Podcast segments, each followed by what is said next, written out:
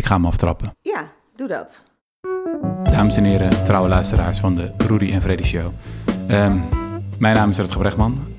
Jesse Frederik is er nog steeds niet. Sorry mensen, ik kan er niks aan doen. Jesse zit eh, nog steeds in de laatste fase van zijn magnum opus. Zijn boek, getiteld Zo hadden we het niet bedoeld, over de toeslagenaffaire. Het wordt wel een vrij lijp boek. Het was ooit bedoeld als een artikel, een long read op de correspondent. Nou, het wordt nu wel een long read.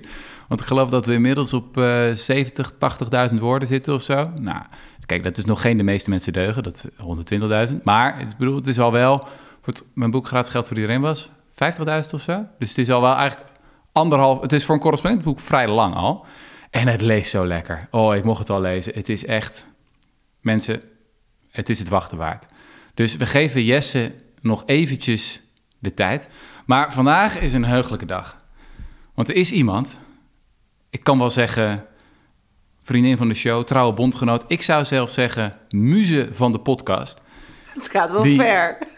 ja, die bereid is gevonden om uh, ja, de sfeer er een beetje in te brengen bij de Rudy en Freddy Show. Maait Vermeulen. Hoi Rutger. Correspondent migratie. Geweldig dat je er bent. Gezellig. Ja, super gezellig. Ja, kan kan uh, Freddy natuurlijk niet vervangen, maar ik ga mijn best doen. Kijk, normaliter als jij er bent, dan zit jij altijd tienduizenden kilometers ver weg. Ergens in uh, Papua Nieuw-Guinea of in het zuiden van Argentinië of in de, weet je wel, de toendra in Alaska. weet je wel, onze grote correspondent migratie.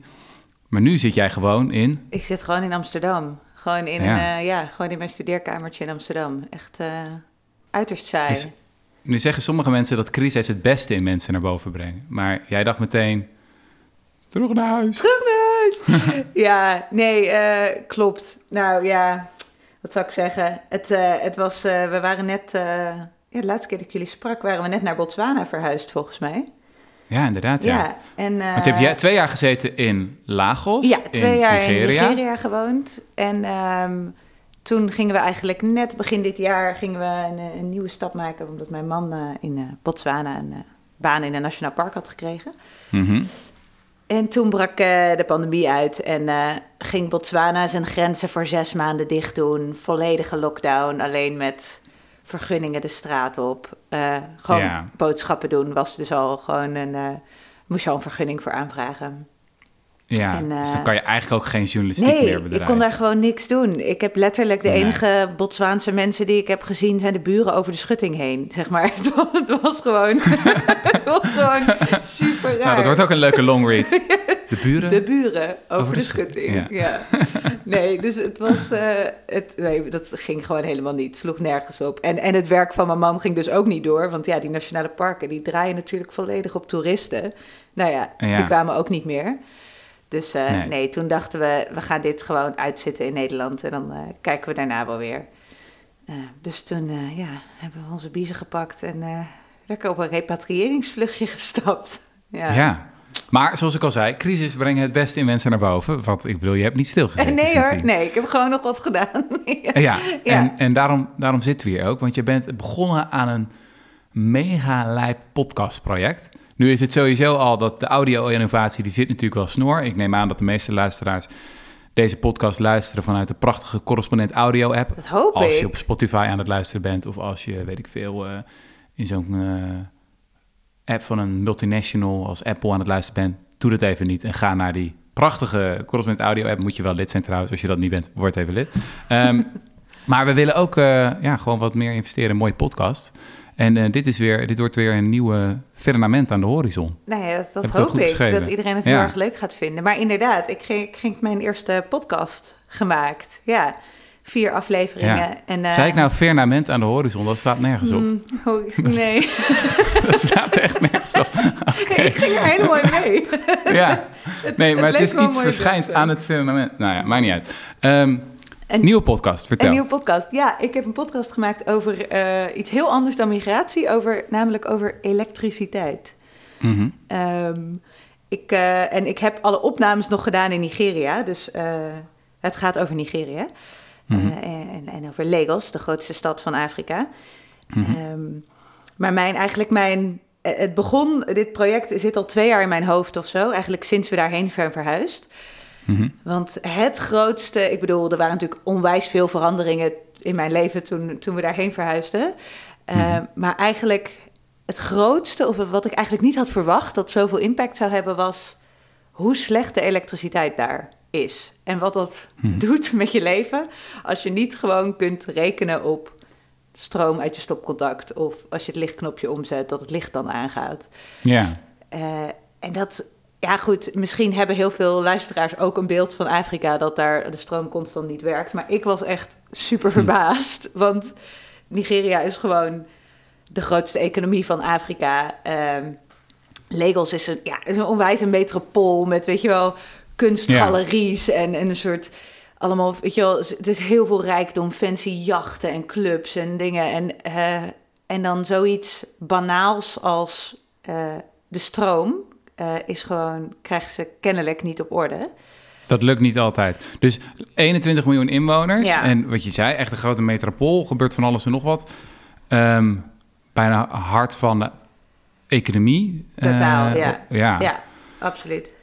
Maar is dat ook voor de rijkere mensen dan? Ik bedoel, ja, je bent natuurlijk niet, relatief gezien, niet onbemiddeld. Nee, nee. Eh, kan je niet dan in een buurt gaan wonen waar ze wel stroom hebben of zo? ja, nou die, die zijn er dus niet. dat, dat, dat is geen ding. Nee. Nee, het is wel echt gewoon. ehm, er zijn wel wijken waar de stroom iets beter is en wijken waar die iets slechter is. Mhm. Ehm, wij zaten dan denk ik een beetje in een gemiddelde wijk. Maar ehm, eh, hoe heel veel rijke mensen het oplossen, is door generators in hun achtertuin te zetten. Eh, Oh ja. Dus dat zijn weet je, van die aggregaten. Je gooit er benzine of diesel in en dan laat je dat Lekker ding duurzaam. bloeien. Echt verschrikkelijk giftige uitlaatgassen. Nog los van dat lawaai, want het is gewoon een teringherrie. Ehm, en dan heb je wel stroom.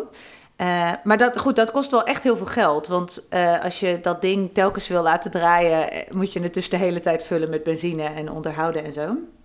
En wij hadden, wij hadden wel een kleine generator. Die kon dan niet, weet je wel, die kon dan niet alles dragen in huis. Dus de koelkast deed hij wel en, de, en het licht, maar niet de airconditioning en niet het warm water. En dat, is- dat vraagt te veel stroom. Dan heb je een grotere generator nodig. Mhm. Ehm, dus wij bes- hebben eigenlijk vrij snel besloten om er gewoon een beetje omheen te gaan werken. En eh, ja, dan zit je een keer in het donker en dat, daar raak je ook aan gewend. Hm. Ehm, maar het is wel. eh, goed, ik bedoel, onze probleempjes waren dan vooral: shit, we kunnen de laptop niet opladen. eh, hoe, hoe moeten we nu verder werken? Eh, Mhm. Maar al heel snel zag ik daar gewoon, als je dat, dat gaat bekijken op de schaal van zo'n stad of een land, dan is dat absurd wat dat doet met soort, wat voor rem op vooruitgang dat Ja. is. Want Ja, het is zoiets fundamenteels het is natuurlijk. totaal fundamenteel voor kan. alles wat je kunt verzinnen. Gewoon eh, Ja. de kleermaker, die wij, wij verhuurden dan onze garage aan een kleermaker. Die moet dan gewoon werken wanneer er stroom is. Want ja, die ma- naaimachine gaat natuurlijk ook op elektriciteit. Dus Ja. die jongen die past gewoon zijn hele, die werkt gewoon om drie uur s'nachts als er dan stroom is. Nou, Ah, weet je wel, dus ja, die ja. gewoon totaal En hoe weet hij dan dat er stroom is? Nou, dat is een geluidje. Eh, je hebt daar dus een geluidje, dat een soort zoemertje, een soort Hè? hoge piep. Ja, Ja? die hoor je door de wijk als de stroom in de wijk terugkomt. En dan gaat iedereen trippen. en dan gaat iedereen Ah, er helemaal los. Ja, ja, ja, oh ja, ja, ja. Dan hoor je iedereen. Nee, ze noemen hun stroomvoorziening daar NEPA. Ehm. En eh, nee, dan hoor je mensen roepen, ap NEPA. En dan gaat iedereen alles inpluggen wat er maar, wat er maar is. Alle airco's aan. Alle laptops en telefoons worden ingeplucht. Eh Ah. Nou ja, goed, dan vliegt die er dus misschien vijf minuten later weer uit. Of vijf uur later. Dat weet je dus nooit. Dus je kunt er ook Nee. totaal niet op plannen. Ehm, Ja. Maar dat soort kleine bedrijfjes als zo'n kleermaker... of nou ja, Hm. verzin een bedrijfje wat je zou willen beginnen... eh, Mhm. ja, is altijd afhankelijk van stroom. Ehm, Ja, ja. Nee, want ik dacht eerst van... Ja, stroomvoorziening in Lagos, belangrijk... maar ook wel een beetje ver van mijn bedshow. Maar eigenlijk is het een soort van... best wel een totale metafoor voor ontwikkeling. Ja, precies. Eh, zo zo ging ik er heel erg land- naar kijken. Want eh, wat, is er, ja, wat is er eigenlijk nodig of zo om vooruitgang te krijgen? Ja. Eh, als je dan gaat kijken naar zoiets banaals als stroom, dan ja, kan je daar heel veel interessante lessen uittrekken. En, en ook wel juist omdat het zoiets is wat wij in Nederland volledig ehm, eh, als gegeven nemen. En ik- ja, ik had daar echt nooit bij stilgestaan. Dat eh, ja, is misschien heel dom, maar Nee. Nee, als het Ehm, gebeurt, de stroom die uitvalt, dan is dat nieuws. Nou, en dan denk je, huh, en dan ga je dat opzoeken, wat is er aan de hand? En het duurt meestal vrij kort. ja, En als het lang duurt, dan is het, nou ja, dan dan is het groot het sowieso in ieder nieuws. geval regionaal, lokale nieuws. Als het echt eh, wat groter is, dan wordt het nationaal nieuws. Ja, ja Daar zijn we niet aan gewend. Nee, precies. Het is iets wat wij gewoon eh, als totaal eh, als gegeven nemen. En als dat ineens niet een gegeven is, dan zie je ineens hoe ja, cruciaal het is voor, nou ja, voor de vooruitgang van een land, maar nou ja, ook, ook wel voor als inderdaad dat het echt wel een metafoor is voor het functioneren van de samenleving. Ja. En hoe begin je dan? Want ik kan me voorstellen dat er zoveel dimensies zijn om naar te kijken. Ja, Bestuurlijk, wat gebeurt er? Is het te bureaucratisch of zo? Is dat de reden? ja, Politiek, eh, weet je wel, is, ja. is, zit daar het falen? Is het geld? Is het, is het gewoon te duur om een werkende stroomvoorziening te maken? Is het, eh, weet ik veel, de geologische omgeving? Is het, eh, weet je, je kan daar zoveel... ja, er zitten superveel Of cultureel? Super veel onderdelen aan, inderdaad. Nou, hoe ik eigenlijk ben begonnen is een beetje gênant, maar ik weet niet of jij weet hoe je elektriciteit uit een stopcontact krijgt, maar ik wist dat eigenlijk niet. Hoe dat krijgt? Nou, je Ja. stopt de stekker erin en Ja, dan komt het eruit. en wat- en wat er dan achter gebeurt, ik had echt geen idee. Daarachter zit, oké, ik ga dat proberen. Daarachter zit een stroomnetwerk. En op dat stroomnetwerk, daar gooi je, daar gooi je zeg maar allerlei verschillende producenten stroom op. Toch? Dus je hebt kolencentrales Ja. en zonnepanelen. Ik heb bijvoorbeeld zonnepanelen op het dak. Maar de kans dat ik stroom gebruik van mijn zonnepanelen in de zomer is niet zo heel groot. Want ja, als het overdag, middags, dan ben ik meestal niet aan het wassen of zo. Dus dan gooi ik het het net op. Dus dan kan iemand anders het gebruiken. Dat is het grote probleem natuurlijk van zonnepanelen. Is dat ik ben nu in de winter ben ik messen veel stroom aan het verbruiken. Ja. Want ik heb ook een warmtepomp hier. Nou, die slurpt stroom. maar ja, de zonnepanelen doen nu helemaal niks. Ja, Eh, tot zover de energietransitie. Maar goed, dat is een andere podcast. Daar kunnen we het ook nog wel even over hebben. Zo. Dat is namelijk wel, Leg ik het wel goed een uit? interessante vraag. Nou, of zocht je naar wat anders? Nee, nee, nee. Je noemt wel inderdaad eh, een beetje de cruciale onderdelen. Een Soort, het, het net bestaat eigenlijk uit drie onderdelen. Dus je hebt inderdaad de opwekking. Dus nou, dat zijn Ja. dan jouw zonnepanelen, maar het kunnen ook kolencentrales zijn. Eh, in, Ja. in het geval van Nigeria gaat het meestal om gas. Mhm. Ehm, Want zij hebben natuurlijk heel veel olie. Gas is nou ja, een, een bijproduct Mhm. van olieboringen. Ehm, en dat gas kun je dan gebruiken om bij, eigenlijk een dynamo te laten draaien in een centrale. Mhm. Ehm dan kan je elektriciteit mee opwekken. En dan moet je die elektriciteit gaan verplaatsen. Want die opwekking vindt meestal niet zoals bij jou thuis op je eigen dak, maar ergens honderden kilometers verderop. Dus dan moet Ja. het verplaatst worden. Dat is het transmissienet. Ehm, dat gedeelte, nou ja, dat zijn bijvoorbeeld hoogspanningsmasten die je kent uit weilanden. Ja. Ehm, en, eh, als het, en dan het laatste deel, dat is eh, de distributie. Dus het laatste deel gebeurt door jouw energieleverancier. ehm, die het ook echt tot in jouw meterkast, het laatste stukje naar in je meterkast brengt en bijhoudt hoeveel je eigenlijk gebruikt. Ja, En da- daar betaal je dan aan. Ja. Ehm, Over dat transport hebben we in Europa natuurlijk een superlijp systeem. Hè? Iemand vertelde me laatst dat als ik stroom uit het stopcontact haal, dat dat technisch gezien uit Spanje zou kunnen komen, die Ja. stroom. Ja, en dat is wel echt, dat is dus echt super duur en onderhoudsintensief om zo'n net zo goed eh, aan te leggen. Dus dat is zeker Ja. ook een infrastructuurding, wat, eh, nou ja, wat, dus heel, wat heel erg veel geld kost en heel veel investeringen Hm. van, van overheid kost. Hm. Ehm, maar goed, in, ja, dus eigenlijk begon ik met eh, die drie schakels eh, bekijken. En zo ben ik langs geweest bij allerlei, ja, bij energiecentrales en bij het transmissienet en bij de distribu- mijn eigen energieleverancier om te kijken wat, ja, wat denken jullie nou dat hier, dat hier misloopt. Mhm. Ehm, en eigenlijk, ja, het is een beetje een wicked problem, want in al die ketens gaat van alles mis. Dus weet je Hmm. wel, bij de opwekking, op, op technisch gebied, hè, weet je wel, eh, bij die opwekking. eh, nou, er wordt gewoon sowieso veel te weinig opgewekt. Alleen de Nederlandse glastuinbouw die verbruikt, verbruikt gewoon al een kwart van de stroom die alle Nigerianen tot hun beschikking hebben. Dus 200 miljoen Wat? mensen. Ja, het is echt crazy als je die cijfers gaat bekijken. Ze hebben gewoon veel te weinig. Of wij veel te veel. of wij veel te veel, ja, zeker kun je ook vraagtekens bij stellen. Maar nou goed, er is wel echt te weinig voor 200 miljoen mensen.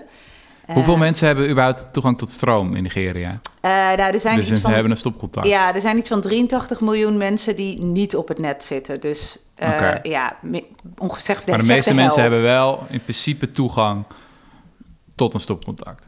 Nou, zeg de, dus de helft van de bevolking ongeveer. Ja. Ehm, maar in een stad als Lagos heeft iedereen wel toegang tot een stopcontact. Hm. Ehm, al is het bij je buren of... ehm, Ja, ja, ja. Ja. ja. ehm, nou goed, en die steden groeien natuurlijk ook steeds harder. Dus nee, in de, in de stad heeft... Ik heb vooral gekeken dan naar, naar die, die stedelijke context. Daar heeft bijna iedereen wel toegang tot stroom. Mhm. Maar goed, er is dus veel te weinig. Mhm. Dat gas, dat wordt heel vaak gewoon verspild. Er wordt gewoon afgefakkeld, weet je wel. Als van die, van die, dat ken je misschien wel van die beelden van die, dat vuur in die olievelden, weet je wel. Dat is gewoon verspild gas, wat gebruikt zou kunnen worden om energie op te wekken.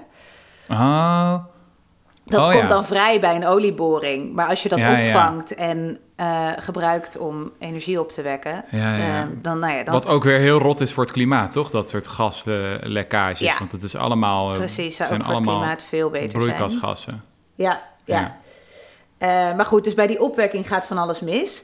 Maar nou ja, dan ga je kijken naar dat transmissienet.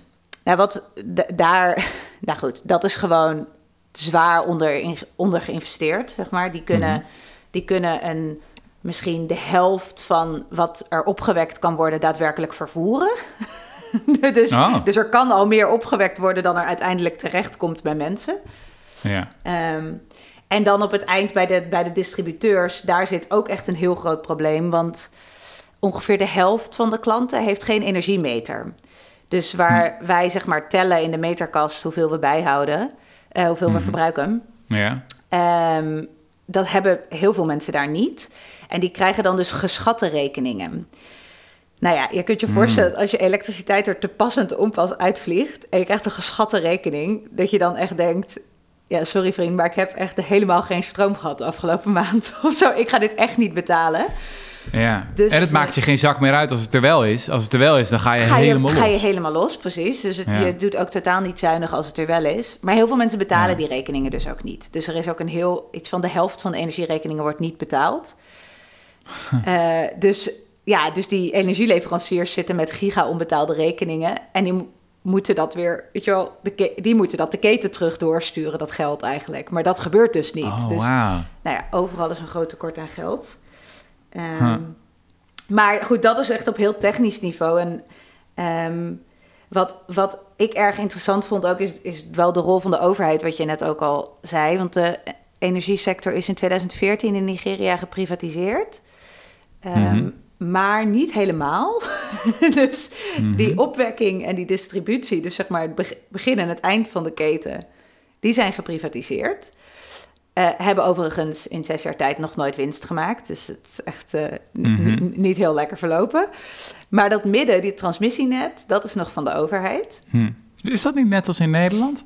Dat Ehm, hebben we, in Nederland heb je heb je, hebben we ook... Tenet, geloof ik, die de boel eh, vervoert. Net, En dan heb je de, ja, de opwek. Is, dat is eh, volgens mij ook groot, gewoon vrijwel geheel geprivatiseerd. Ja, of helemaal je hebt inderdaad in. Bedrijven als Vattenfall en zo. Ook een deel En dan heb je nog de leveranciers. Ja, dat zijn ook private bedrijven. Dat is allemaal... Ja, ja in, en op zich is het dus niet een soort... Onge, hoe zeg je dat? Niet een... ehm, heel gek Heel idee. gek idee. Of we, we hebben het in Nederland ook. wel ja. Ja. Misschien is het wel een heel gek idee. maar- Nou, ik de- denk het op zich niet. Maar wat, er zijn wel twee grote gevolgen van. Namelijk ten eerste dat de overheid in Nigeria met alle verliezen van de keten blijft zitten. Want Oh, ja. eh, dat transmissienet koopt in van de opwekkers. Dus ze betalen al aan de opwekkers. En dan op het moment dat ze eh, hun rekeningen niet betaald krijgen van de energieleveranciers, omdat die hun rekeningen niet betaald krijgen van de consument, blijven zij dus met gigantische eh, verliezen zitten. Dus er wordt- zit Hm. gigasubsidie op. Ehm, maar ook, zij bepalen nog, eh, de, overheid bepaalt de prijs die gevraagd mag, wo- mag worden. Hm. En dat is wel echt een groot probleem, want die prijs is super laag vergeleken met Nederland, maar ook vergeleken met gewoon de, de rest van de regio. Mhm. Ehm, en dat, dat, dat doet de overheid omdat ze denken van ja, weet je wel, Nigerianen hebben het al heel zwaar en we kunnen niet uh, een soort woekerprijzen krijgen voor elektriciteit. Verbeter eerst het net maar eens voordat, weet je wel, voordat we de prijzen mhm. omhoog gaan doen. Maar het is, daardoor komt niemand in de keten uit de kosten. Want als je een prijs moet vragen die minder is dan wat het jou kost, hm. Ehm, hm. Dan heb je dus helemaal geen marktwerking. Ja, ja. Dus het is een soort. het is eigenlijk een mega complex bestuurlijk politiek vraagstuk. Ja. Ja, Waar je zo 100 PhD's over kan schrijven. Absoluut, ja, ja. ja. absoluut, ja. Ehm, ja, en ik, ik, ik bedoel, uh, los van inderdaad al die, al die technische aspecten, denk ik dat. Ja, wat, wat ik gewoon ben gaan denken eh, toen ik daar zo helemaal indook en iedereen naar elkaar ook zie wijzen. Want als het natuurlijk zo'n complex systeem is, dan kan iedereen altijd mhm. wijzen naar de ander van nee, daar gaat het mis, daar gaat het mis. Um, maar dat je in een soort visueuze cirkel belandt. Um, die bestaat uit een aantal soort onderdelen die, die, die breder gelden voor allerlei andere thema's ook. Maar het eerste is dat de elite niks merkt van het probleem. Mhm. Want, nou goed, dat, dat is... Die hebben hun generators? Die hebben hun generators, precies. Dus die, mhm. die voorzien gewoon zelf in hun stroom... en die merken helemaal niet dat de stroom er de hele tijd uitvliegt.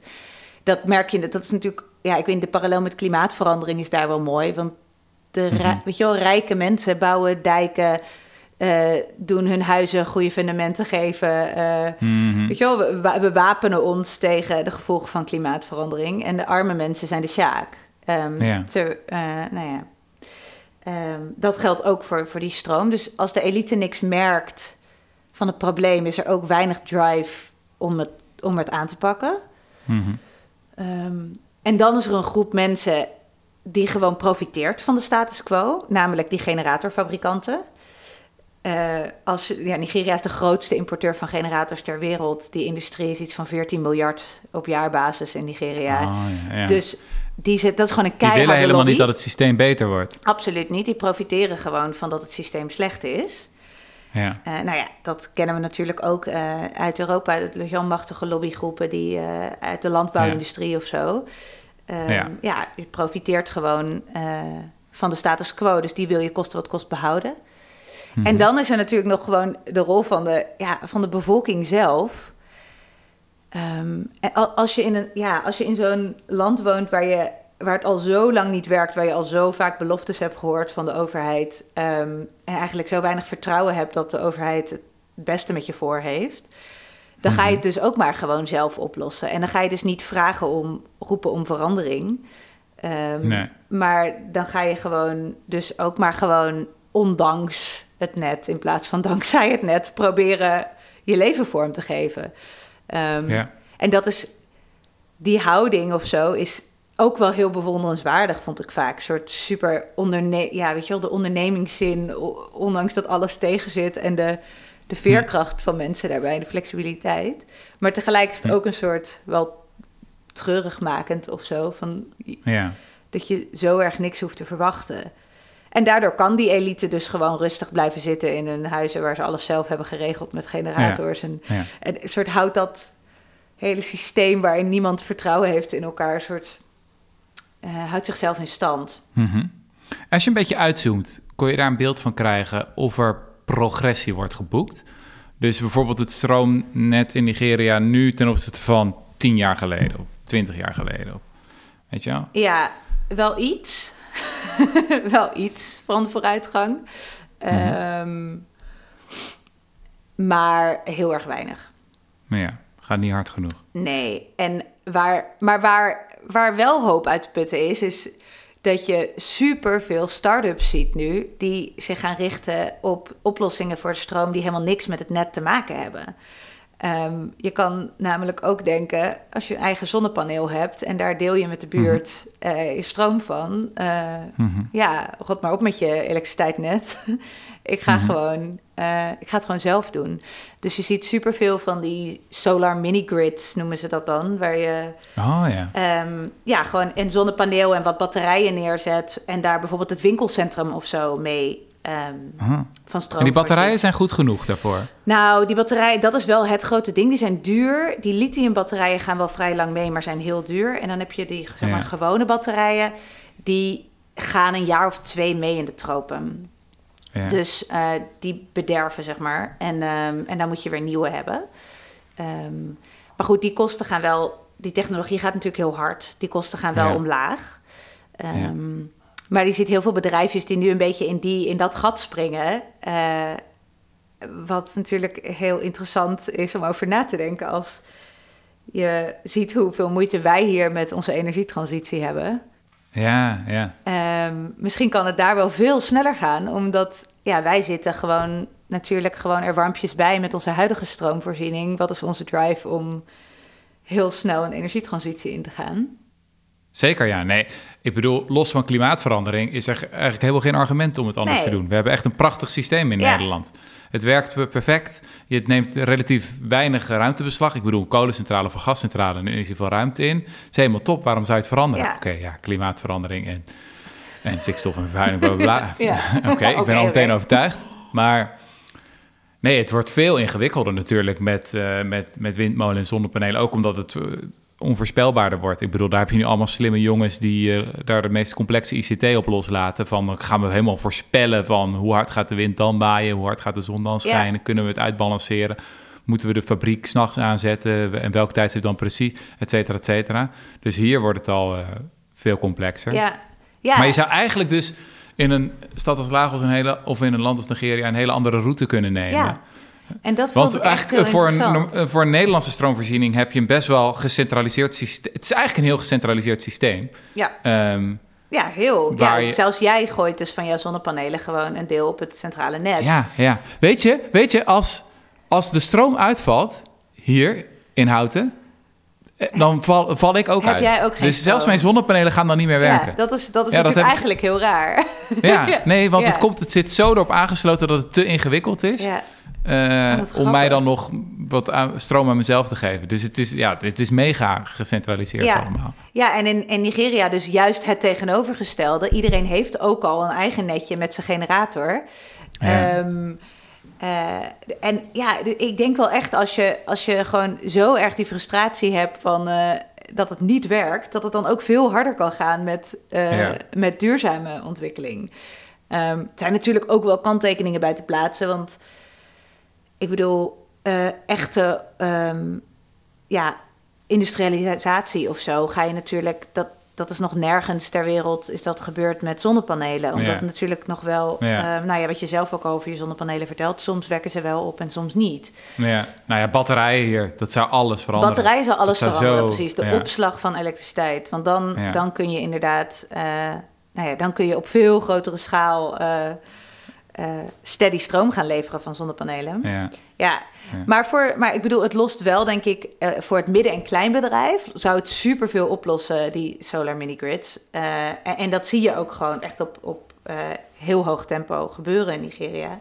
En zelfs ook de overheid, je hebt zo'n instantie van de overheid die zich richt op ehm, ja, de, rural, electrification. Dus Mhm. delen van het land die nog niet zijn aangesloten op het net. Mhm. Eh, en daar zit nu een super interessante vrouw aan de top van die organisatie, die eigenlijk probeert het parlement te overtuigen van jongens, we krijgen de tijd budget om dat, eh, dat die hoogspanningsmasten aan te leggen naar afgelegen dorpen. Maar dan hebben we dat gedaan en dan hebben ze daar vervolgens geen stroom van. Ja. Dus waar zijn we nou Ja. mee bezig? We Ja. moeten gewoon die mensen solar mini-grids gaan geven. Ehm, want dat is gewoon een veel betere investering van ons geld en tijd. Dan hebben ze tenminste, oké, misschien ook niet 24 uur per dag. Of eh, in het regenseizoen heb je dan misschien een probleem. Maar dan hebben ze tenminste eh, nog redelijk betrouwbare stroom. Eh, dus, die, dus dat is wel interessant om te zien dat er dan wel ook mensen daar aan de top komen die, die zeggen: we moeten echt een andere kant op. En dat dus ook Ja. overheidsgeld ook niet meer besteed wordt of steeds minder besteed wordt aan het uitbreiden van het net en meer aan eh, ja, dat soort duurzame off-grid oplossingen. ja, ja, ja. Ik zat ook nog te denken, hè. je hebt in eh, de links-progressieve kringen heb je nu een hele stroming die de degrowth-beweging wordt genoemd. Vanuit de gedachte dat groei, name economische groei, niet de oplossing, maar het probleem is. Mm. En ehm, ja, zeker ook als we naar energieverbruik kijken, dat we niet de hele tijd moeten denken van oké, hoe, hoe doen we het altijd maar meer, meer, meer, maar liever minder, minder, minder. Ja. Ik heb eh, heel veel sympathie voor die beweging, maar als je dan kijkt naar zo'n stad als Lagos, dan denk je, wat we daar nodig hebben is meer, meer, meer. Ik bedoel, veel meer stroom, veel meer energie. En dat is, dan kan je zeggen, ja, maar dat is allemaal, eh, weet je wel, klimaatverandering gaat deze mensen het hardste raken. Ja, maar het punt is, als je te wij energiearmoede raakt mensen nu al heel, heel hard. Ja. Weet je wel? Als je het niet warm kan krijgen of niet koud kan krijgen of je naaimachine niet aan kan, dan ga je dood aan honger en aan armoede en weet ik wat allemaal. En ja, dan wil je misschien eerst dat oplossen en ga je mensen niet overtuigen van ja, maar over 50 of over 100 jaar dan is er een heel groot probleem met klimaatverandering dat jou heel hard gaat raken. Ja. Nee, we moeten nu gewoon meer energie. Ja, het is super. Dat Dat, is echt het, inderdaad super lastig als je soort eigenlijk do- door zo'n degrowth met die zo'n degrowth eh, beweging zeg je eigenlijk dat zij niet hetzelfde recht hebben om eerst die welvaart te bereiken op Nee. weet je wel, op, op korte termijn die wij denk al ik niet wel dat veel hebben. van de mensen nee, in die beweging ze niet één op één zeggen. Zo hard zullen zeggen. maar als je het doordenkt, dan is Ja. dat het gevolg. Ja, Ehm, maar wat, wat denk ik wel interessant is van die ontwikkeling op het gebied van zonne-energie in die landen, is dat het misschien wel allebei zou kunnen zijn. Dus het hoeft misschien niet het pad te zijn wat wij hebben genomen, waarin we Mhm. eerst eh, fossiel super erg schalen en welvaart opbouwen Mhm. en dan gaan denken, oh shit, we moeten eigenlijk eh, duurzaam Ja. gaan. Misschien, ja.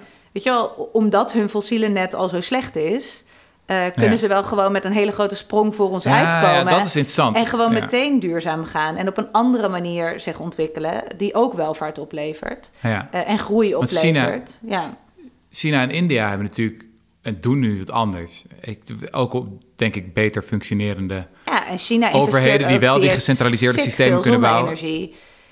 China heeft Ja, aan zonne-energie ook al meer energie nu dan heel Sub-Sahara-Afrika bij elkaar heeft. Tuurlijk, tuurlijk. Maar ook ziek veel kolencentrales. Veel Ja. meer kolencentrales. Ja. Gewoon echt kolen, kolen, kolen. Daar is verreweg... Hoeveel bouwen ze niet? Echt honderden, honderden. eh, in de afgelopen 15, Ja. 20 jaar. Ja, daar zag ik wel Eh. ook echt in mijn onderzoek dat de meningen totaal over verdeeld zijn. Je hebt echt van die solar Jehovah's die echt totaal geloven in, weet je wel, over tien jaar dan is eh 50% van de energie in Nigeria al zon en we gaan super hard. En Oh ja. eh, weet je wel, dit- Solar Jehovah. Ja, die zo'n evangelie prediken. Ja. En, eh, en die heb andere mensen die zeggen, ja, dat is gewoon niet realistisch. Als je, als je snelle welvaartsgroei wil, dan Mhm. is dat gewoon altijd gebaseerd op, weet je wel, moderne landbouwtechnieken, industrialisatie. En dat, dat vergt zoveel energie dat dat gewoon alleen kan op fossiel. Met Ja. de technologie die we nu hebben. Ja. Nou, ik vind het vooral moeilijk te geloven dat... Hoewel, ik kan me voorstellen dat die mini-grids... heel veel lokale problemen eh, kunnen Ja, verhelpen... of in ja. ieder geval een beetje kunnen dempen. Maar als je op een gegeven moment echt een rijker land wil zijn... dan moet je gewoon veel meer energie opwekken. Ja. En dan is het, gaat het natuurlijk niet alleen om, om stroom... maar ook om heel veel andere vormen van eh, energieverbruik. In Nederland is maar 20% van het energieverbruik is stroom. Ja. Weet je wel, de rest is verwarmen van onze huizen, is industrie, staalproductie, is de auto's die op benzine of diesel rijden, noem het allemaal maar op. Ehm, ja, en om al die energie efficiënt op te wekken, moet je schalen. Ja, Weet je, als je bijvoorbeeld een lagere stroomprijs wil hebben, ik bedoel, mijn zonnepaneeltjes op mijn dak zullen vast niet slecht scoren. Maar zo'n zonneweide scoort natuurlijk veel beter. Want je krijgt gewoon schaalvoordelen als je er heel veel naast elkaar legt. En die staan dan, Ja. weet ik veel, precies goed ten opzichte van de zon. En noem het allemaal maar op. En hetzelfde geldt voor windmolens. Weet je, een windmolen is leuk, maar een hele grote windmolen is nog leuker. Ja. Een hele, hele, hele grote windmolen, dat is helemaal leuk. ja. En, en die enorme schaalkracht, die krijg je pas als de overheid gaat investeren. Ja. Weet je, als er gewoon ook en als er een langetermijnblik is. Want het bedrijfsleven heeft vaak maar een horizon van iets van vier, vijf jaar. En dan moet het geld wel terug te verdienen zijn. Weet je, dat is ook het probleem met durfkapitalisten vaak. Die durven gewoon niet zoveel. Ja, laat staan in ja. ontwikkelingslanden waar de markt veel eh, weet je wel, Precies. eh, instabieler is. Dat is het grote probleem Ja. nu, kapitaal aantrekken om te investeren in, in die sector. Er, Ja. zijn investeringen nodig, maar ja, Ja. eh, bedrijven uit die privatisering hebben al zes jaar geen geld verdiend. En eh, ja, zonnepanelen, duur, duur, weet je wel. Grote investering verdien je pas op lange termijn terug. Ja, ga je Hm. dat doen? Hm. Ehm, dus dat aantrekken van kapitaal, dat is echt een, dat is een heel groot probleem. Dat is natuurlijk waarom je wereldwijd ziet dat, dat armere landen nog minder goede stroomvoorziening hebben. Dit stroomnet Ja. is gewoon een super duur, onderhoudsintensief Ja. ding. Ja. Ehm, maar vooral ook een ding waar heel veel de schakels moeten samenwerken. Je kunt niet Ja. meer elektriciteit produceren, want je kunt dat niet dan er afgenomen wordt, want je kunt het niet Ja. opslaan. En weet je wel, dus het is een soort alle schakeltjes moeten samenwerken, eh, anders dan functioneert het niet. Ja. En ik, dat is wel, eh, nee goed, waardoor ik deels ook wel af en toe heb gedacht, wow, wat bijzonder dat het wel functioneert in Nederland. Ja, maar dat doet je echt aan denken. Joris Luindijk gaf een keer dat voorbeeld over de Voedsel- en Warenautoriteit. Hij had een aantal jaar in, in Egypte gezeten en daar kan je gewoon niet... Ik weet niet of dat nu wel zo is, maar ik neem aan van niet, ja, niet zomaar dingen eten, weet je wel. Je moet wel nadenken van, hey, is dit wel goed? Word ik hier niet ziek Ja, van? ja. Ja, dat is iets wat wij helemaal niet gewend zijn in Nederland. Ja, je krijgt een enkele keer misschien voedselvergiftiging per ongeluk. Maar in principe ga je er gewoon vanuit. Het eten wat je koopt, ja, dat is gewoon van een bepaalde kwaliteit. En er is ook een instantie die dat, die dat controleert. Ja, de Voedsel- en Warenautoriteit. stil. Ja, Maar dat is zo erg zo met beschaving en dingen die we gerealiseerd hebben. Als je het eenmaal hebt, dan denk je vanzelfsprekend. het ophalen van Terwijl vuilnis of zo, bijvoorbeeld. Ja, joh, maar Wat doe je met je elke afval? dag moeten Ja. beginnen. Op onze blote knietjes. Danken. Dank voor de WW. Dank voor de bijstand. Dank voor de stroomvoorziening. Dank voor de Voedsel- en Warenautoriteit. Dank voor de Belastingdienst. Dank voor al die mooie dingen die mijn leven zo prachtig maken, Ja. maar waar ik nooit bij stilsta. Ja, ja absoluut. Nou, en, en maar wat ik dan wel interessant vind van die stroom is dus wel... oké, dank voor de stroomvoorziening, maar hoe gaan we het duurzaam krijgen? Die vraag is dus moeilijker als je stroomvoorziening zo goed werkt.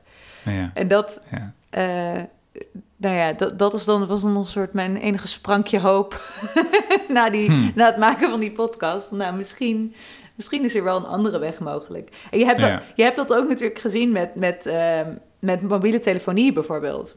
Mhm. Want ja, daar moest ik ook aan denken. Ja. ja, dat is natuurlijk in de jaren tachtig waren ze nog eh, gewoon druk bezig met eh, overal tele, weet je wel, de vaste lijnen aanleggen in Afrika. Ja, ja, ja. ja. Ja, en eh, op een gegeven moment is dat gewoon totaal eh, een domme investering gebleken. Want in een paar jaar tijd had 75% van de Afrikaanse bevolking een mobieltje. Eh, Ja. Nu heeft nog, eh, nou, nu heeft, ja, is ongeveer 100%, echt 99,999% van de aansluitingen in Nigeria is mobiel. In Nederland hebben we nog steeds 25% vaste lijnen. Ja, wie zijn die mensen? Ja, dus het is wel een soort. Daarin hebben ze ook zo'n. Nou ja, wat misschien in de jaren tachtig mensen zeiden. Nou, dat gaat nog zo lang duren voordat die technologie goed genoeg is. Voordat, weet je wel, de, aan, de verbinding net zo goed is mobiel. Of de, de batterijen gaan niet lang genoeg mee. Of nou, al die dingen die nu ook over zonne-energie worden gezegd.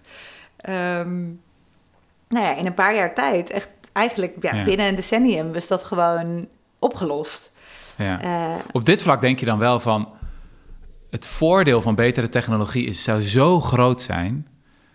Weet je wel, waarom pompen we daar niet nog veel meer miljarden in dan we nu al doen? Weet ik veel hoeveel er nu in wordt gepompt in batterijinnovatie. Maar ik bedoel, het zou in een land als Nigeria betekenen... dat je gewoon een hele lange weg niet meer hoeft af te leggen.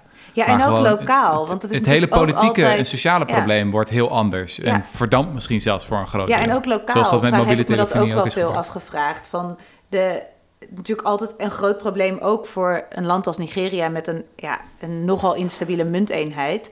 Is dat die Mhm. zonnepanelen moeten ook allemaal geïmporteerd worden. Dus eh, je importeert een zonnepaneel, dat betaal je dan in dollars. Maar dat krijg je afbetaald over een lange termijn eh, in naira. Ehm, Mhm. en die naira wordt minder waard en meer waard. Nou goed, dat is, dat is, dat is een onzekere investering. Hetzelfde voor, Mhm. voor die batterijen. Eh, wat als je die gewoon lokaal zou kunnen gaan produceren, eh, zodat je dat Mhm. probleem met die wisselkoersen niet meer hebt en je investeringen veel zekerder worden. Mhm. Ehm, ja, dat, goed, dat, eh, zover zijn we zeker nog niet, maar dat zou ook wel, dat heb ik wel vaak gedacht. Van, waarom wordt daar niet vanuit de overheid daar veel meer in geïnvesteerd? Want dat zou gewoon een mes wat aan twee kanten snijdt en je creëert banen door, weet je wel, dat soort fabrieken te gaan bouwen. En je lost je eigen issues op. Ehm, Ja, inderdaad. Ja. Ja. Het is echt wel een soort van lens waar je alle problemen mee kan, eh, belichten. Ja, ik kom Ja. weer met de slechte vorm. Ik ben begonnen met de horizon en het firmament. ja, ik ben Firmament in de helemaal... eh. Ik ben een paar, een paar maanden corona behoorlijk de weg kwijt. maar ehm, je podcast eh, gaat online vanaf morgen. Morgen, ja. Vier 9 afleveringen. Ja, Geproduceerd in samenwerking met Jacco. zeker. Onze Ja. Jacob Pantel, die heeft eh, bergen verzet voor deze podcast. Ja, ja, het, ja, het zijn vier afleveringen inderdaad. Dus eh, eh, elke week komt er eentje. Ik ben mega benieuwd. Voor leden natuurlijk gewoon te luisteren in de correspondent-app. En voor ehm, mensen die hoogstwaarschijnlijk zeer binnenkort lid worden, die kunnen het nu nog even luisteren op Spotify of ergens anders. En straks ook gewoon in de correspondent-app. Dat, dat verwachten we wel, toch? Zeker, ja. Ik eh, vond het fascinerend. Ik zeg tegen de luisteraars van de Rudy en Freddy Show hartelijk dank voor het luisteren. Ehm, ik hoop de volgende keer jullie weer het zoetgevoiste stemgeluid te laten horen van mijn kameraad en de jonge denker Jesse Frederik. Dat zou leuk zijn. Zeg. Dat zou mooi zijn. Wij danken de muze van de podcast, Maite Vermeulen. Ja, dank jongens. Dank. Tot de volgende keer. Doei! Doeg!